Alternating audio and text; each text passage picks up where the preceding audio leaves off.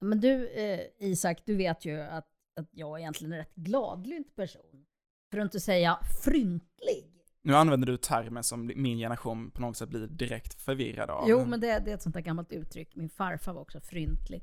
Men eh, ibland så blir jag sådär otroligt frustrerad och kanske nästan, och, och, lite, lite deppig liksom. Och det är två grejer som jag tänker på just nu som, Mhm. som kan göra mig sådär riktigt deppig, som har att göra med klimatet.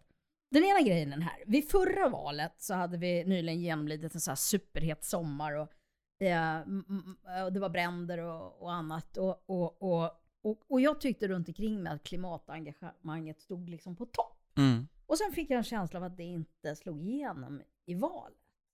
Så att, så det var väl inte ens den viktigaste frågan tror jag, Nej. när man frågade väljarna vad, vad, vad man ansåg var det viktigaste Så det inför är en valet. grej som gör, gör mig lite vanmäktig. Den andra grejen är detta. Det verkar som om det, det alltså man kan väl säga att det viktigaste eh, verktyget för politiken i bred bemärkelse när det gäller att jobba för omställning har varit att arbeta med mål av olika slag. Det är liksom på Mm. global nivå, på nationell nivå, kommuner, företag och så vidare. Och, och då, då när man har kommit fram till de här målen så, så, så gläds man åt det och tycker men gud vad bra, nu är vi på rätt väg så här. Men så nu mer och mer börjar det visa sig att vi liksom lever inte upp till de här målen. Det blir, i alla fall i många sammanhang, att vi eh, eh, eh, och vi kanske inte ens har för, på något vis agerar på ett sätt så att vi skulle kunna nå upp till dem. Den ena handen vet liksom inte vad den andra gör. De här två grejerna gör mig himla Ja.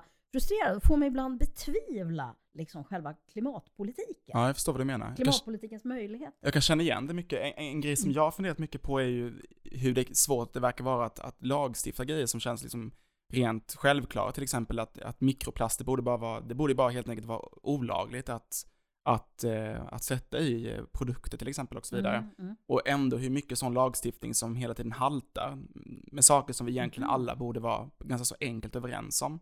Många klimat och miljöfrågor är ganska så svåra och stora liksom. Mm. Men vissa grejer tycker jag är så himla enkla. Då blir jag också väldigt osäker på varför de här grejerna inte bara klubbas. Ja, Det känns så självklart. Mm. Det, det är liksom tur mitt i den här eh, frustrationen med att vi, vi ska liksom djupdyka i, i politikens roll i Mm. klimatrörelsen, men vi ska inte göra det helt ensamma. Nej, det är Eh, tur vi inte ska göra det ensamma. Nej, vi har en expert med oss. Det är statsvetare Jenny Madestam som, är, som eh, ska delta i, i samtalet. Ja.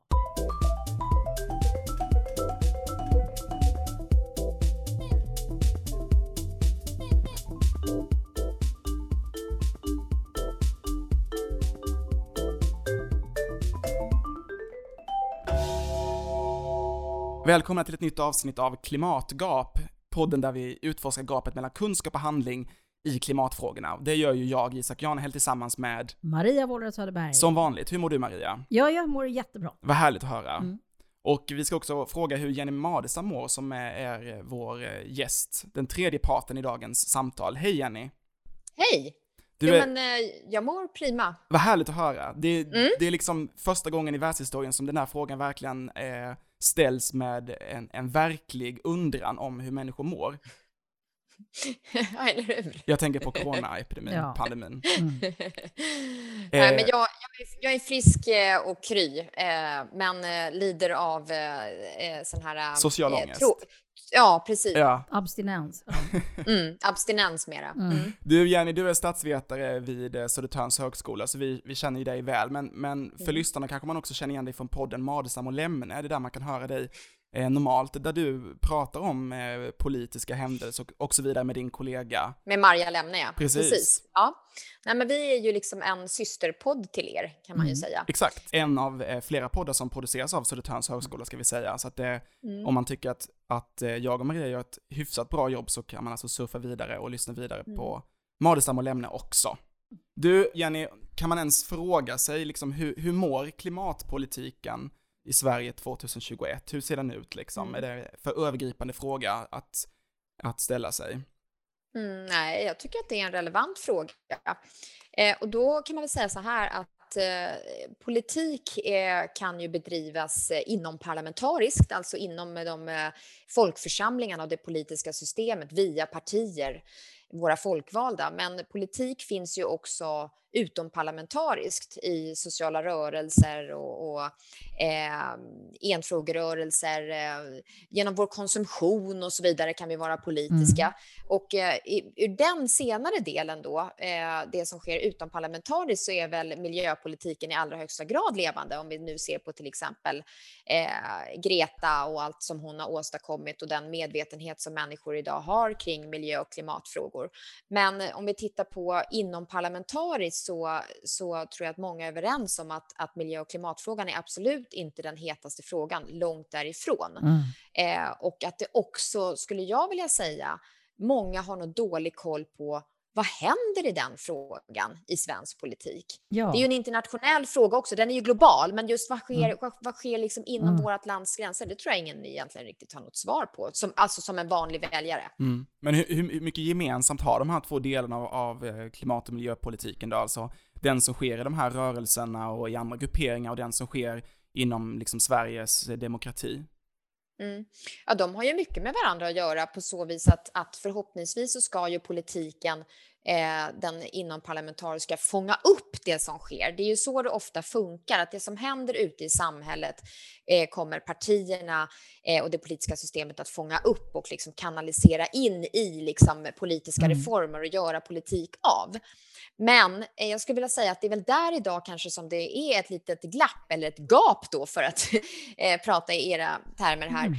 Eh, att det inte riktigt går hand i hand. Men, och det är väl då det stora frågetecknet. Varför, varför blir det inte mera liksom hand i hand mellan den här stora sociala rörelsen som finns och då partipolitiken och politiska reformer? I alla fall inte som visas ut mot väljarna. Men varför blir det inte så? Det är ju jätteintressant Nej. fråga. Mm. Varför blir det inte så? Och det har att göra med att eh, det är ju så här att det, det, finns flera delar i det här. Men e, en viktig sak är ju att partipolitiken, vi har ju en partidemokrati, det vill säga att demokratin, folkstyret realiseras genom partier. Mm. Och partier som organisationer, eh, de är eh, ganska speciella organisationer på så vis att de har olika mål som de vill försöka uppnå. Och ett mål är ju att hålla ihop som organisation. Ett annat mål är att få igenom sin politik eh, och ytterligare ett mål är att vinna val. Och allt detta syftar liksom till för att man ska kunna förändra samhället. Men då är det ju så här att de här målen eh, går ju kanske inte alltid riktigt liksom ihop. Att om det som handlar om att eh, man behöver göra för att hålla ihop som organisation är kanske inte det helt som man kommer vinna så mycket väljare på och, och så vidare och så vidare. Och det är liksom en del som gör att partier kanske inte alltid driver de frågor som man kan tycka är mest liksom rimliga att det här partiet borde fånga upp. Om vi nu säger till exempel Miljöpartiet då som är, ja det är väl liksom miljö och klimatfrågan borde, borde vara den enda frågan som de, det partiet sätter på agendan. Men det partiet har ju till exempel då ingått i ett regeringssamarbete, vilket betyder att då man, har man fullt upp med att liksom jobba för att också få igenom politik, förhandla etc. med mm. Socialdemokraterna och flera andra partier, vilket gör att man måste liksom kompromissa bort delar av den här absolut viktigaste frågan. Men skulle du säga, skulle du säga att, att liksom miljörörelsen har blivit för politiserad tack vare att, att Miljöpartiet på något sätt har, vad ska man säga, hijackat den frågan som sin egen? Alltså förknippar vi för mycket miljöfrågorna med Miljöpartiet för att eh, de här mm. frågorna ska kunna liksom hanteras? Delvis. Men det jag också skulle vilja säga varför, en förklaring till varför, varför inte det blir, är liksom mera hand i hand mellan då det som sker utan, utom parlamentariskt och inom parlamentariskt det har att göra med vad är det ett parti vinner val på? Och just nu så uppfattar inte partierna att det kommer gynna dem att prata miljö och klimat, mm. utan det är andra frågor som är mycket viktigare, nämligen då eh, just nu är det ju liksom väldigt mycket fokus på corona, men eh, innan vi fick coronakrisen så var det ju lag och ordning och migration som var liksom de heta frågorna, mm. medan miljö och klimat ligger liksom långt ner på listan just nu. Och det har det gjort ganska länge. Medan då om man tittar på liksom, Liksom tillbaka till eh, när Miljöpartiet kom in i riksdagen, då var det liksom värsta eh, miljövalet liksom, delvis, och det var de här döda sälarna och så vidare. Så det var liksom rätt timing för partiet att, att då synas och höras och faktiskt ta sig in i riksdagen. Och då pratade vi om just det här, vikten av att en fråga ligger rätt i tiden. Och miljö och klimatfrågan ligger rätt i tiden. Men inte när vi ser på vad är det som driver väljarnas val av parti. Ja, vad driver det då? Det driver ju just nu andra frågor. Och för när man frågar väljarna vilka frågor är viktigast för dig i val av Mm. parti, Mm. då är det ju frågor just nu som har handlat om migrationsfrågan. Mm. Och det är ju liksom i kölvattnet av den här eh, migrationskrisen då 2015. Mm. Det har handlat om lag och ordning för att Mm. människor uppfattar att det är massa skjutningar på gatorna. Eh, det har också handlat delvis, skulle jag säga, alltid är det ju vård, skola, omsorg som kommer ganska högt i, i den svenska politiken. Och det här hänger ju också ihop med, ska jag säga, Dels vad, vad skriver man om i media? Vad pratas det om? Liksom? Och det är ju ibland så, vad är det som driver vad? Det vet ju du Isak som är journaliststudent också, att vem är det som sätter agendan? Är det journalisterna eller är det liksom politiken som gör det? Det där Mm. kan man ju liksom diskutera. Mm. Eh, men sen är det ju också, eh, som sagt var, vad är det liksom, vad kan man som parti känna sig bekväm i att prata om? Och miljö och klimatfrågan ligger ju inte enkelt att placera på vänster-högerskalan som är den skala som de svenska partierna helst placerar in sig på, Mm. utom Miljöpartiet. Men de andra partierna vill gärna prata om frågor som finns på vänster-högerskalan. Varför det Eh? Varför vill man det? Därför att där känner de sig hemma och det är där deras väljare också har funnits och primärt uppfattas finnas. Så därför så vill Socialdemokraterna prata om, eh, ursäkta mig här nu, nu får ni klippa för nu är min son som säger att ja, hej då, att han skulle gå. Eh, nej men därför att vänster-högerskalan är ju den som dominerar svensk politik och partierna uppfattar att det är längs med den som man enkelt kan hitta en, en hemvist. Eh, så att när, när eh, migrationsfrågan pratas om och en fråga där Moderaterna, men inte minst då Sverigedemokraterna gynnas av, för det är deras väljare som associerar Sverigedemokraterna och Moderaterna, och inte minst då Sverigedemokraterna med migrationsfrågan, men också lag och ordning till exempel. Men det är en fråga som inte Socialdemokraterna uppfattas starka i, så då vill de börja prata om sjukvård och, och eh, skola och omsorgsfrågor istället, för det är där de är starka. Men miljö och klimatfrågan är det ju egentligen bara ett parti som är starkt i, i väljarnas ögon, Mm. och det är Miljöpartiet.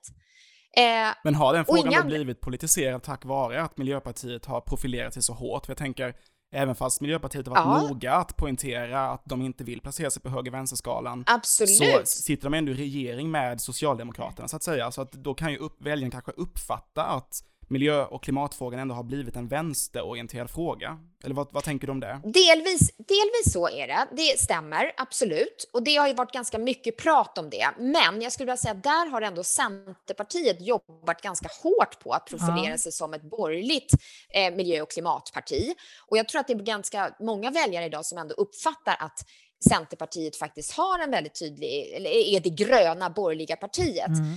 Men en väldigt viktig sak också som i det här hur man ska förstå varför har inte, för det, den stora frågan då är ju varför som ni också ställde eh, till Isabella Lövin, det är ju varför har inte Miljöpartiet vunnit mera på, eh, vunnit mera i opinionen givet miljö och klimatfrågans hethet, liksom varför den är så het. Ja. Eh, ja, därför att idag är det så här att så fort det kommer ett parti eller en fråga, men också just ett parti utanför de här etablerade partierna, om vi nu säger de etablerade gamla partierna som finns längs med vänster-högerskalan, så poppar det upp ett alternativt parti, Miljöpartiet, Feministiskt initiativ eller Sverigedemokraterna till exempel, Ja. som många gånger är profilerade på en fråga väldigt starkt. Då kommer de andra partierna att försöka liksom inkorporera den här frågan eh, i sitt partiprogram och göra sig själva till ett, vi är också ett parti, ett feministiskt parti, vi är också ett miljö och klimatparti, vi är Mm. också ett parti som pratar migration.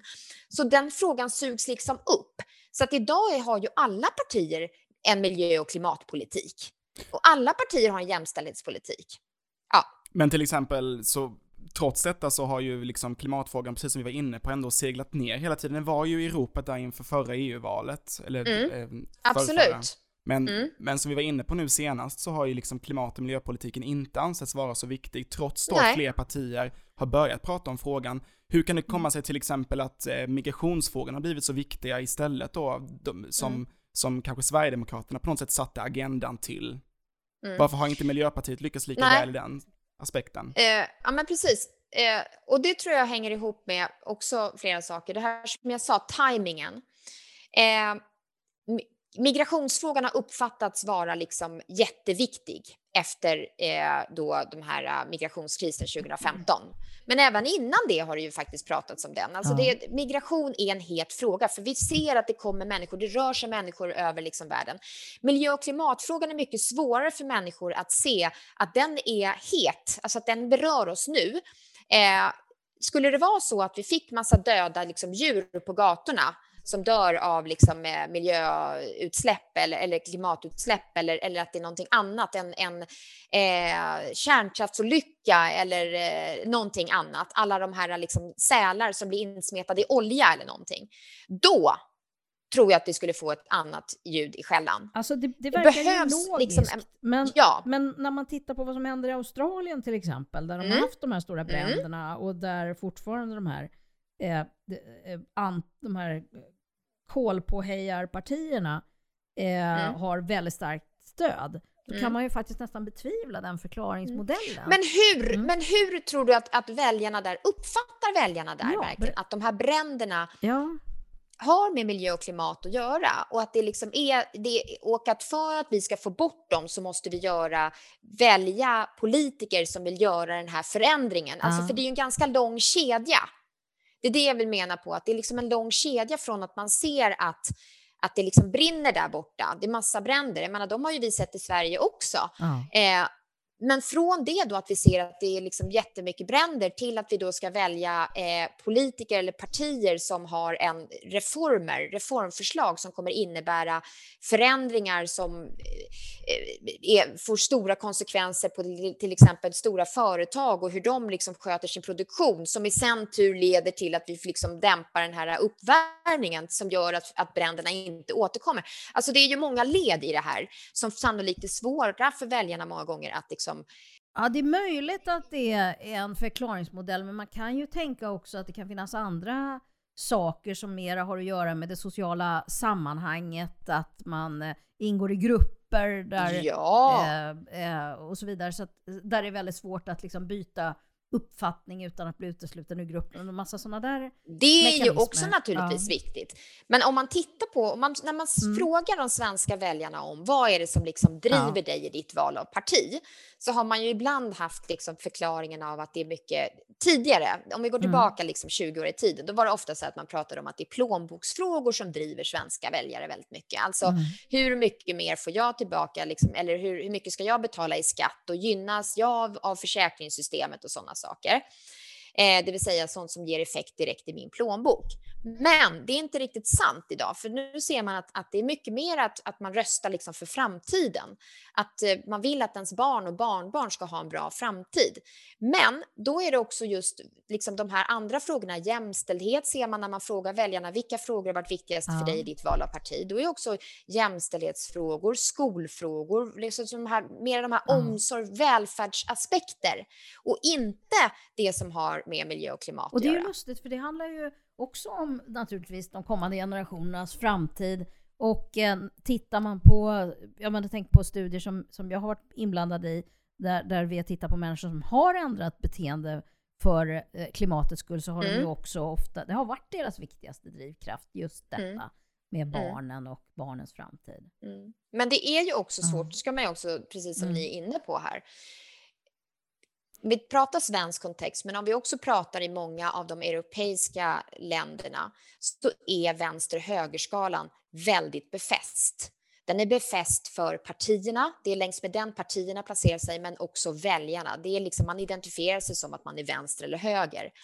Miljö och klimatfrågan blir ju då svår att förhålla sig till. Men den För verkar ju ändå placeras in mer på höger-vänster-skalan än Ja. man har gjort förut. Är det hoppfullt då för klimatfrågan? Eller, eller, Eller ett problem. Eller tvärtom? Ja, det, det är väl, det vet jag inte om jag har något svar på, men jag skulle vilja säga att, att eh, vad, f- först tillbaka, fråga till dig då. Var, varför menar du på att, den är, att det finns en, en, liksom en höger-vänster-aspekt i, i miljö och Nej, klimatfrågan? jag menar inte kanske att det finns det inbyggt i klimatfrågan. Det borde det inte finnas kan jag tycka. Men jag tycker att den verkar diskuteras mer och mer på Mm. ett sånt sätt. Men i och för sig så, så, så är det, finns det fenomen som pekar i en annan riktning. Till exempel att, eh, eh, ja, eller så vad jag menar är då till exempel att Mm.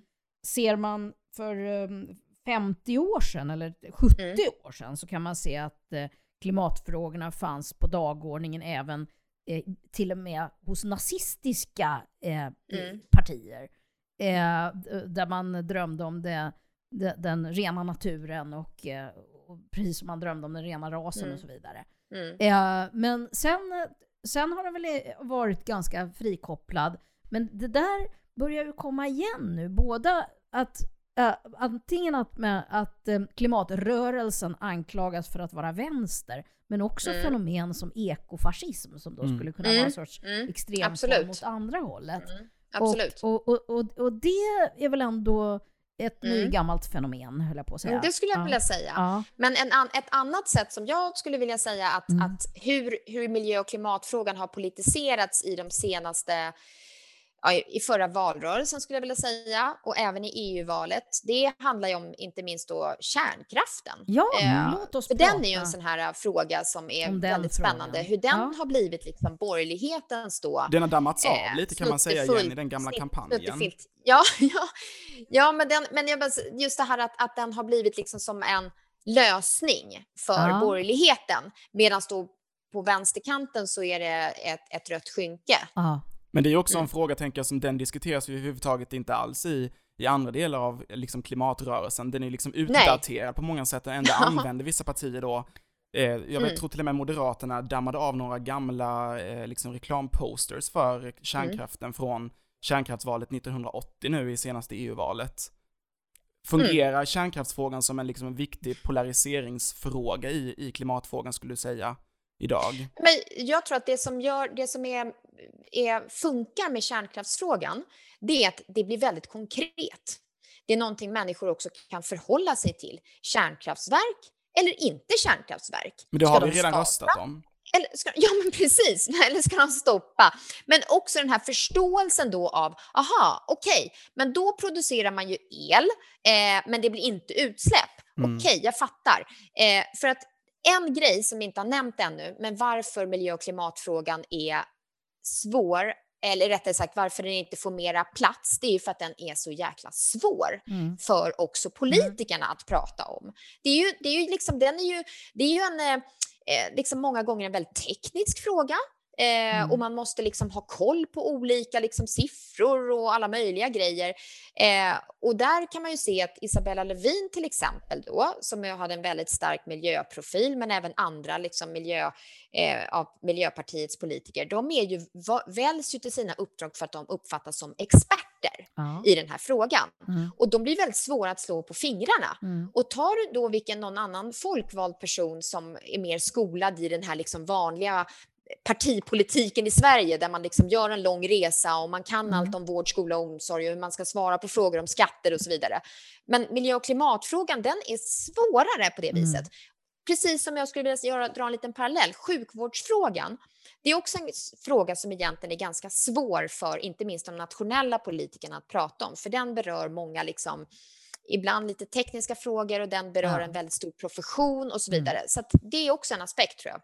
Det är många som diskuterar, det är ju en, en het diskussion just nu på många sätt, just det här med teknokrati, alltså att Mm. e- expertstyre skulle man kunna väldigt enkelt översätta det till. Mm. Eh, Liksom har klimatfrågan en viktig roll i, i den diskussionen, att, att, att politiker inte helt enkelt kan hantera alla typer av frågor och en annan typ av grupp av experter bättre skulle kunna fatta Mm. beslut. Eh, ja, alltså jag vet inte. eh, Jag bara liksom får, får eh, bekräfta det i den beskrivningen just det här att det här är ju en, en fråga, men om det skulle vara att det är bättre att det är någon annan som fattar besluten, det är ju liksom en normativ fråga. Ja, jag, tänker mer tror på att- ja. om, om klimatrörelsen på något sätt har varit delaktig i att det har blivit en diskussion kring Mm.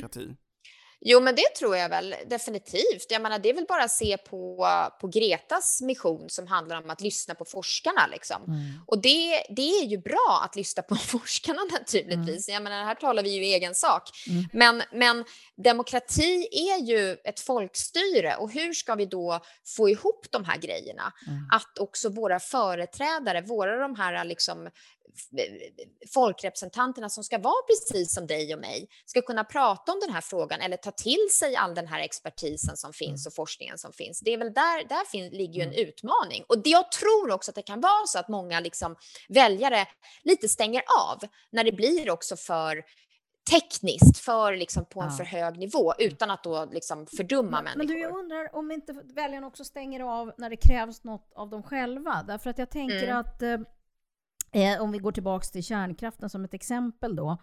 Eh, där, den är, det är ju också en väldigt lockande tanke att tekniken kan lösa problemet. Då behöver ju inte jag göra det. Eh, och och, och det, där tycker jag det verkar vara en brytpunkt liksom mellan de frågor som är politiskt möjliga att jobba med och de som är väldigt politiskt svåra att jobba med. Alltså alla mm. de frågor som faktiskt skulle kunna kräva någon sorts omställning, uppoffring, transformation av oss. Mm. Där mm. är det som att mm. politiken inte liksom vågar gå in i det. Nej, och det är ju också nu, för som ni ser nu när vi pratar så är det ju liksom, det är, så, det är den pusselbiten och det är den pusselbiten och det är den och man ska nu förstå mm. varför är inte miljö och klimatfrågan större, om vi säger nu mm. inom parlamentariskt. Och det här är ju en jätteviktig aspekt. Det är ju liksom, man vill ju inte, som jag sa, de här målen som partier har, man vill, man vill också vinna vä mm. väljare, man vill bli omtyckt, man vill vara attraktiv. Mm. Och då vill man inte komma med, med reformer som innebär att människor kommer få göra inskränkningar i sitt liv, som kan betyda mm. negativa saker i ens liv. Mm. Och det är också att dra en parallell här det fria skolvalet, mm. där visar all forskning att den leder till väldigt mycket snedvridningar eh, och, och, saker som vi inte vill ha för att få en, en likvärdig skola. Eh, men att som politiker föreslå att man skulle liksom, eh, dra tillbaka det fria skolvalet uppfattas av många som politiskt självmord. Mm. Eh, och det gäller ju lite samma sak för de här grejerna. Vi hade ju Isabella Lövin som gäst i förra veckans avsnitt, eh, Jenny. Hon var ju inne väldigt mycket på detta och vi poängterade också att det väljarstödet har inte precis ökat sen Miljöpartiet valde att sätta sig i regering. Alltså, det här är ju många frågor som är väldigt ogynnsamma att ta i som politiker. Hur stort problem är mm. det idag? Eh, ja, men det, det är naturligtvis ett stort problem eh, att, att våga driva, att våga eh, eh, liksom tala om att, eh, att, att det här kommer innebära negativ, en negativ aspekt för dig i ditt liv. Det är ju någonting som, som man naturligtvis eh, kan värja sig inför. Men om vi också tittar på just med Miljöpartiet, varför inte det har gått bättre för det partiet? Eh, och som ni också ju pratade med Isabella Lövin om, det, det är ju också finns flera förklaringar till det och en handlar naturligtvis om att man som liksom litet parti eh, hamnar mycket i skuggan av det stora. Men det är också att man eh, då krävs ju väldigt mycket kompromissande. Och skulle jag vilja säga. I Miljöpartiets fall så handlar det om att partiet har också profilerat sig på andra frågor och inte minst på migrationsfrågan. Så att den här att vara det här miljö och klimatpartiet eh, som liksom har det som sin absolut starkaste fråga och där man går liksom i, man går i eld liksom för den, eller går över lik liksom för, för den här mm. frågan. Det, så har inte väljarna uppfattat det, utan mm. man uppfattar också partiet associerat med, med migrationsfrågan väldigt starkt, men även andra frågor. Och då är just det här en liten liksom parentes som jag får göra för att man ska kunna bli ett parti i liksom inom parlamentariskt parti som aspirerar på att styra landet så måste man ha en politik på alla områden. Ja. Man kan inte bara ha politik på liksom miljöområdet eller försvarsområdet mm. eller migrationsområdet. Man måste ha ett partiprogram som spänner över alla sakfrågeområden. Och det gör ju då att då kommer det ju bli liksom, då blir det ju mer utspätt. Mm. Och vi frågade henne ganska så rakt ut om, för hon var inne på en del misstag som hon bekräftade att man såklart har gjort under tiden man har suttit i regeringen. Då frågade jag om just det, att sätta sig i regering var ett av de misstagen i sig. Och hon var väldigt tydlig där mm. med att man inte hade kunnat uträtta lika mycket i opposition. Alltså hur mm. ser det där ut, tänker jag? Det finns ju många andra partier som har eh, fungerat som påtryckningar på, på regeringen genom att sitta i samarbeten istället. Just nu till exempel genom januari, januariöverenskommelsen. Mm. Mm. Nej men absolut, och där tycker jag att hon var väl också ganska tydlig i sitt svar där att, att Miljöpartiet bestämde sig för redan under Maria Wetterstrand och Peter Eriksson att man ska in i regering. Och det är ju det som är liksom det överordnade målet för ett parti. Det är ju att kunna göra avtryck i samhället, förändra samhället. Mm. Och hur gör man det? Jo, det gör man genom att faktiskt sätta sig i regeringsposition. Eh, och det kommer betyda att man kommer behöva kompromissa. Eh, men jag tror att det partiet har väl, man har verkligen lärt sig en läxa nu. För nu är ju siffrorna är usla och eh, det här liksom, väljarna har inte uppfattat att partiet, eller man har rättare sagt, man har nog inte förstått vad är det Miljöpartiet har gjort för avtryck. Mm. Det sa, var hon ju tydlig med också att säga, att det är väl kanske en lärdom att man inte har varit bättre på att tala om vad är det vi har åstadkommit. Eh, men om man nu har åstadkommit saker så vill ju allmänheten eh, få, få reda på vad det är för någonting. Men det verkar vara en eh, svår rävsax liksom. Alltså, mm. att uh, antingen så är man med och påverkar och mm. då måste man kompromissa. Eller mm. så, så håller man stenhårt sin kurs och då mm. kan man behålla alla sympatierna men inte påverka. Mm. Det är otroligt svårt alltså. Kan, finns det, det är jättesvårt. sätt att komma ur den där rävsaxen?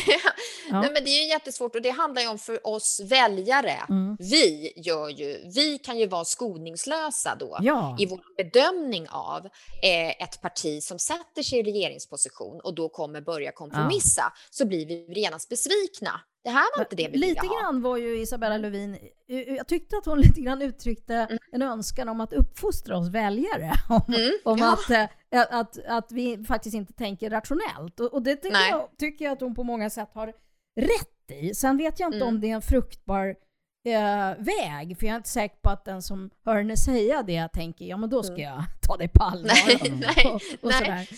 Mm. Ja, men eh, det kan man ju också fundera över. Är det något som saknas i vår så att säga allmänbildning? Vi fattar inte riktigt hur det här funkar, det här politiska mm. systemet. Och då kan vi inte heller förhålla oss riktigt rationellt till det, utan det blir som också Isabella Lövin tog upp, på, som ett, ett kundförhållande liksom, till politiken. Jag måste faktiskt säga, där tycker jag att hon mm. uttryckte det väldigt väl. Mm. Eh, just den här att, att eh, kund, liksom, eh, relateringen där och att det blir mer som en marknad mm. där vi liksom eh, var fjärde år så, så ska vi välja liksom en, en, en, en av de här bilarna i, i hallen här, vilken vi tycker mm. är fräsigast just nu. Liksom.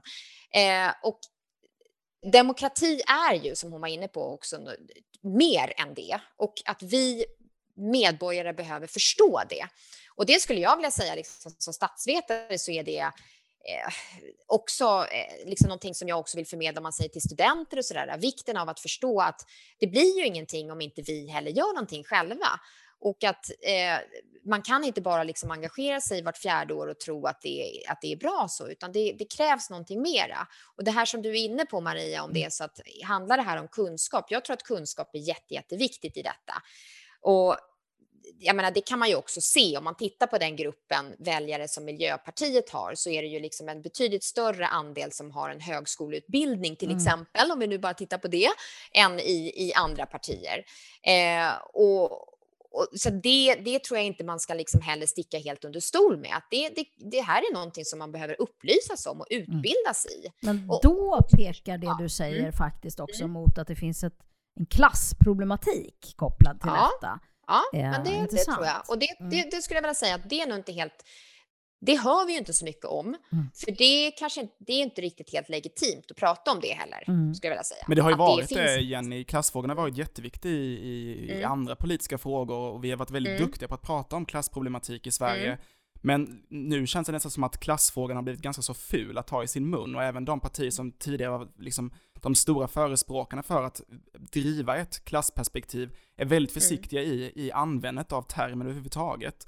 Och ändå mm. är klassfrågan så extremt viktig i klimatfrågan. Mm. Absolut. Mm. Och den är ju det, både utifrån att vi, den här upplysningsaspekten, att kunna ha liksom kunskaper och insikter, men också naturligtvis möjligheten att leva liksom, eh, miljö och klimatvänligt? Vilka är det som har råd att göra det? Ja, fast det eh, i sig bygger också på ett stort missförstånd. Det, det mm. antagandet, mm. det kommer ju upp i diskussionen rätt mycket. Mm. Har man råd att köpa kravmärkt eh, kaffe mm. och så vidare? Men, mm. men, men, det bygger, tycker jag, på ett missförstånd som har att göra att man inte ser sam... Att det finns ju oerhört tydliga samband mellan inkomst och klimatpåverkan. Den som mm. inte har råd lever förmodligen redan väldigt klimatvänligt. Mm. Det är i själva verket mm. den som har råd mm. som mm. påverkar klimatet. Därför att det är, så, det är sådana enkla samband med konsumerar du mycket så, mm. så, så, blir det också mera utsläpp. Till och med om du låter pengarna vara på banken så jobbar de i något sammanhang med, mm. och förekommer investeringar som leder till utsläpp. Mm. Det har ju de i Mm. madrassen då möjligen man kan göra. Mm. Så, att, Mm. så att det finns, och vilket inte är en lockande tanke. Så det finns ju liksom ett, ett, ett, ett, ett missförstånd där. Det är ju kanske i själva verket så här, alltså det är inte osannolikt att tänka att det är alla de här utbildade personerna som också Mm. har eh, eh, som är väldigt klimatkunniga. Det ser vi faktiskt också i, Mm. en studier jag har varit inblandad i. Mm. Eh, som förmodligen också faktiskt har rätt höga utsläpp. Alltså, Mm. därför att med utbildning så kommer mer kunskap, men det kommer också mer inkomster. Har man mer inkomster så blir det mer utsläpp. Men jag tänker Mm. det bekräftas ju också Ja. av bilden till exempel av att en stor del av Miljöpartiets följarskara finns faktiskt i Stockholms innerstad till exempel. Och de, den, den stora skalan av de som Mm. väljer att rösta på Miljöpartiet sitter ju inte på landsbygden. Nej. Eh, där är det ju Nej. helt andra partier som är stora istället. Mm. Ja. Där Centerpartiet, som du säger Jenny till exempel, som har profilerat sig i, i klimat och miljöfrågan också är betydligt större till Mm. exempel. Jo. Mm. Mm.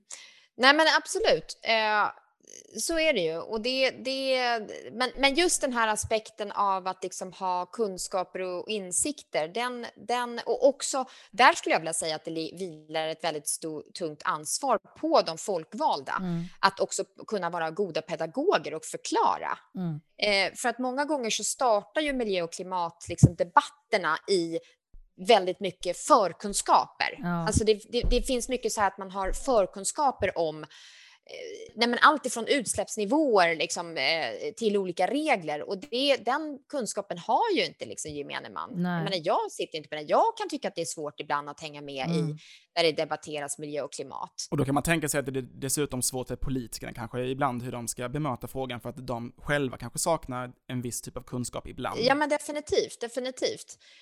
Men sen så en- en annan grej som jag vet att ni liksom har klurat lite på, det är ju det här med om, om miljö, liksom, nej men om är demokrati liksom vägen att komma, komma åt de här, liksom att, ska vi lösa miljö och klimatkrisen med hjälp av demokrati? Ja, jag vill understryka att vi aldrig någonsin har föreslagit något annat. Nej, men jag menar, jag menade med att ni ville prata om det. Ja, precis. Och då, för att, för att jag tyckte också att eh, Isabella Lövin var väldigt Mm. tydlig med att understryka att det är demokrati Ja. som är vägen. Ja.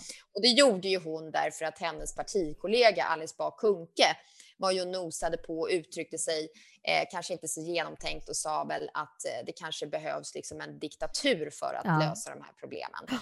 Eh, och det, sånt får man ju absolut inte säga. Eh, och då är det ju så här att demokrati är ju också ett system och ett, liksom ett styrelsesätt som tar tid. Ja. Och det ser vi ju till exempel nu. Nu är vi i en pandemikris. Vi har en superkris nu.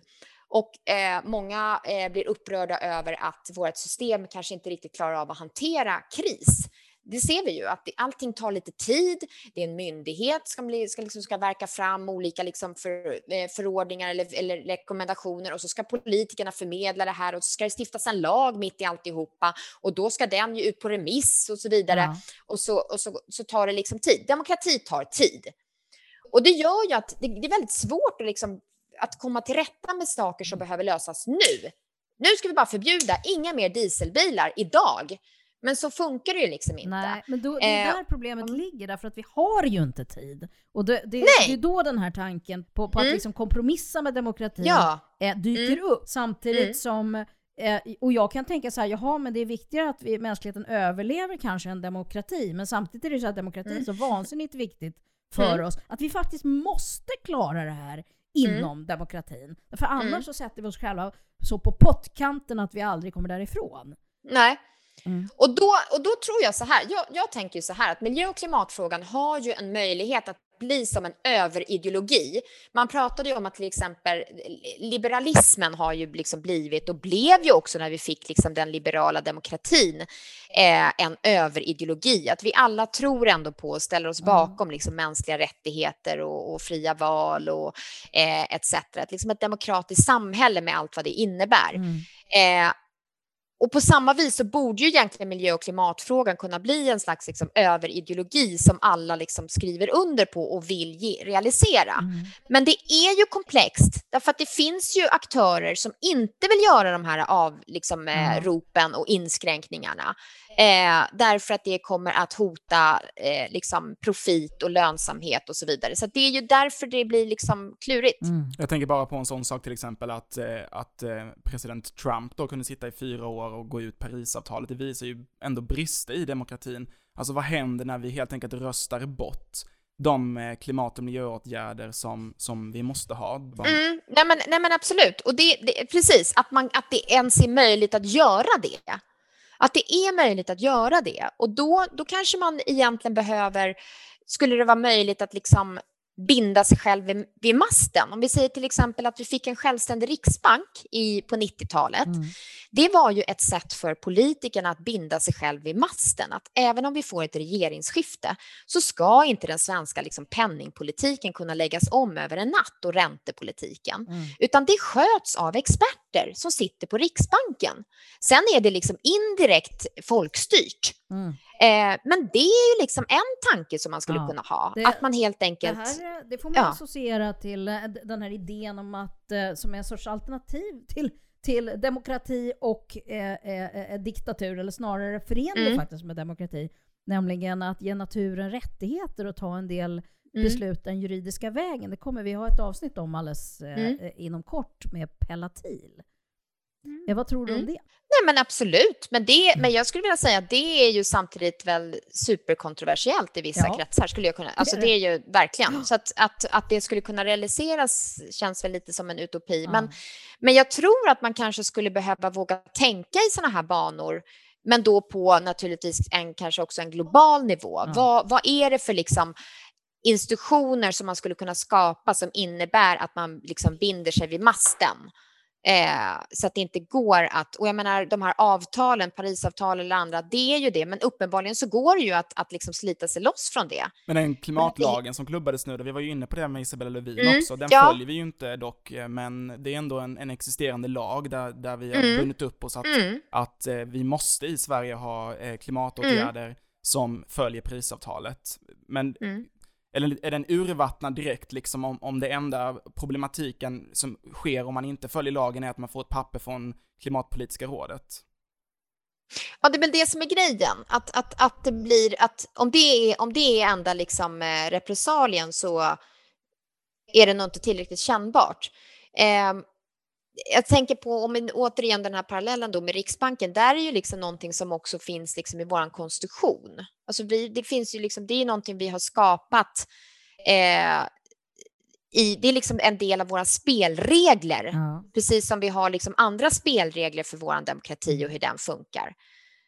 Och jag tror att det kanske är mer på den nivån som man måste komma mm. åt det här i sånt fall. Men jag, men jag men vet man, inte. Man kan ju fundera ja. över systemet. Man kan fundera över mm. hur det, om det politiska systemet behöver liksom modifieras för att kunna hantera den här typen av frågor som det verkar rätt illa anpassat för. Eh, frågor mm. som är där det är målkonflikter och det är bråttom och det är stora kriser. Och de mm. är samtidigt en långsam kris, fast det är bråttom. Mm. Alltså, det, det, det, kan man fundera över. Och, och, och, så, och hela det här samtalet har ju varit eh, fokus på ett sorts systemperspektiv. Mm.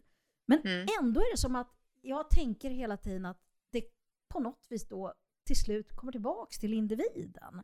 Mm. Alltså att som individer måste vi för det första lära oss begripa hur politiken fungerar så att vi kan mm. fatta informerade mm. beslut. Och för det andra mm. så måste vi prioritera även fast vi ibland förlorar kortsiktigt på det. Det är en sorts långsiktig prioritering som vi måste göra var och en av oss. Mm. Eh, vad säger du om det? Nej men verkligen, men jag, jag reflekterar själv över det. Varför gör, va, va, alltså så här, varför gör man inte mera då? Eh, och då är väl liksom svaret, om man gör, nu bara tar liksom personligen då, eller jag ser liksom i min omgivning, att varför görs inte mera som individ Därför att man inte uppfattar att det brinner här utanför. Ja, jag mm. ser att det brinner liksom och så här, men det gör det ju ibland. Liksom. Mm. Jag uppfattar inte att det är akut. Vi Jag uppfattar inte, inte. Förstår inte Jag förstår inte att jag måste lämna huset nu, för annars är det kört. Mm. Jag, jag, jag, liksom, därför att det, det, mitt liv rullar på, och det, liksom, det blir vår och det blir sommar och det blir höst och så vidare. Eh, I kombination med att veta vad är det då jag ska göra för någonting i mitt liv? Hur ska jag lägga om mitt liv? Handlar det om att jag ska, att jag ska liksom sortera soporna bättre eller vad är det för någonting? Och då är vi ju tillbaka till liksom de politiska makthavarna att ge oss liksom, nu ska vi tvätta händerna, det är ju det allting handlar om just nu och vi ska hålla avstånd. Och det har man varit ganska duktig på att pumpa ut. Vi fattar ju det nu, alla fattar att man ska tvätta händerna noga och hålla avstånd. Nästan alla. Eh, ja, men nästan alla, precis. Men liksom, det kanske är en grej då, att börja pumpa ut vad är det vi ska göra i våra liv då? Ja. Nej, men jag, det här som du säger, det samspelar med den här, de här studierna som jag och min kollega Nina Worms har gjort som Mm. pekar mot att, att, eh, ak- att vissa former av kunskap har stor betydelse, nämligen kunskapen om akutheten och Mm. eh, alltså krisens magnitud så att säga. Mm. Eh, och den spelar roll och, och att det krockar lite grann med den här tanken som har varit under en tid som är att vi ska absolut inte skrämma upp folk. Utan vi Nej. måste ha det hoppfulla budskapet. Nej, det verkar som de som ändrar beteende, de har blivit skiträdda. Ja, Eh, och, det är så alltså? Ja, Mm. det, det, det, det är vad jag tycker mig se. Ehm, och, eh, och det andra är kunskap om hur olika val man kan göra påverkar klimatet. Därför att vi faktiskt inte Mm. riktigt fattar proportionerna. Det har vi också haft Nej. ett avsnitt om som handlar om hur olika val påverkar. Eh, och Mm. att vi inte riktigt förstår det, men när man väl ser det så, så, Mm. så är det väldigt omruskande kunskap för många. Men det kommer ju också, ett annat bekymmer är väl dubbla budskap. Jag tänker att många gånger så är det ju så att, att eh, vi får höra att eh, ja, men vi ska sluta, vi ska inte flyga så mycket. Eh, och sen så nästa dag så kommer det nyheter som säger att ja, men det handlar inte under flygen, som nu då under pandemin, Mm. så ser man att ja, men det, utsläppen har inte alls minskat så mycket nu trots att flygen har stått på marken. Ja. Jaha, då tänker man ju, ja men då spelar det ingen roll, då kan vi ju ta den där resan nu då. Ja. Eh, Och vissa har till Det- och med menat politiker att vi ska flyga för klimatets skull så att tekniken utvecklas. ja, exakt, Så det är ju precis. liksom en pågående konflikt från alla håll. Det är inte lätt som väljare att förstå sig på detta. Nej, och tillbaka till liksom, eh, parallellen till coronakrisen. Det har varit ganska mycket dubbla, liksom, så här Ja. otydliga budskap. Ska jag ha munskydd eller inte munskydd? Ja, men man vet inte riktigt vad som gäller. Nej. Och det är väl samma sak här. Det lämnar ju väldigt mycket till individen att kunna avgöra. Är, Mm. är det lönt för mig att lägga de där pengarna på en elbil? Spelar det någon roll Mm. överhuvudtaget? Eller är det liksom verkligen en liten, liten piss i Mississippi? Nej, det är väldigt svåra frågor Ja. verkligen. Mm. Det, det väcker tankar till, till en uppföljning på detta Ja, avsnittet vi som, måste som fortsätta. tyvärr är slut för, för dagen. Men man kan väl slå fast i alla fall, Jenny, på något sätt att klimatfrågan Mm. är extra snårig, både för väljarna men också för politikerna, verkar det som. Mm. Definitivt. Mm. Verkligen för båda, båda de, grupper och, och det är svårt att göra politik och förmedla det här till väljarna Mm. och för väljarna. Men för vä- väljarna, men samtidigt så kan man säga att väljarna behöver det. Så att ska man vara folkvald så kanske man måste anstränga sig mer. Mm. Ja. Tack så jättemycket Jenny Madestam för att du var med i dagens avsnitt av Klimatgap.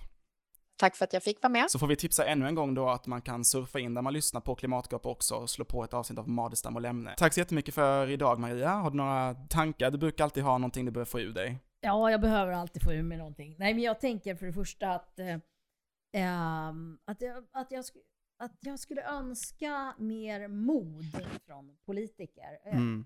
Och det är klart att det är inbyggt i syste- systemet, man måste vara en pleaser liksom, för att vara politiker.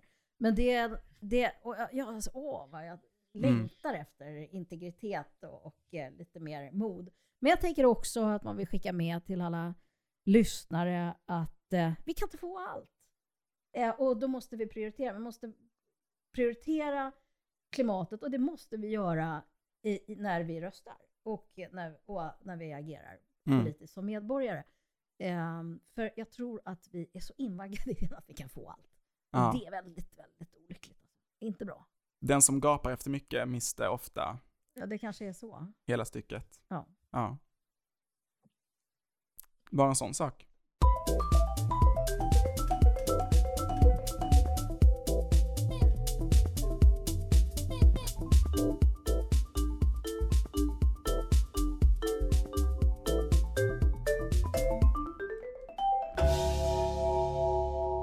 Klimatgap produceras av Södertörns högskola.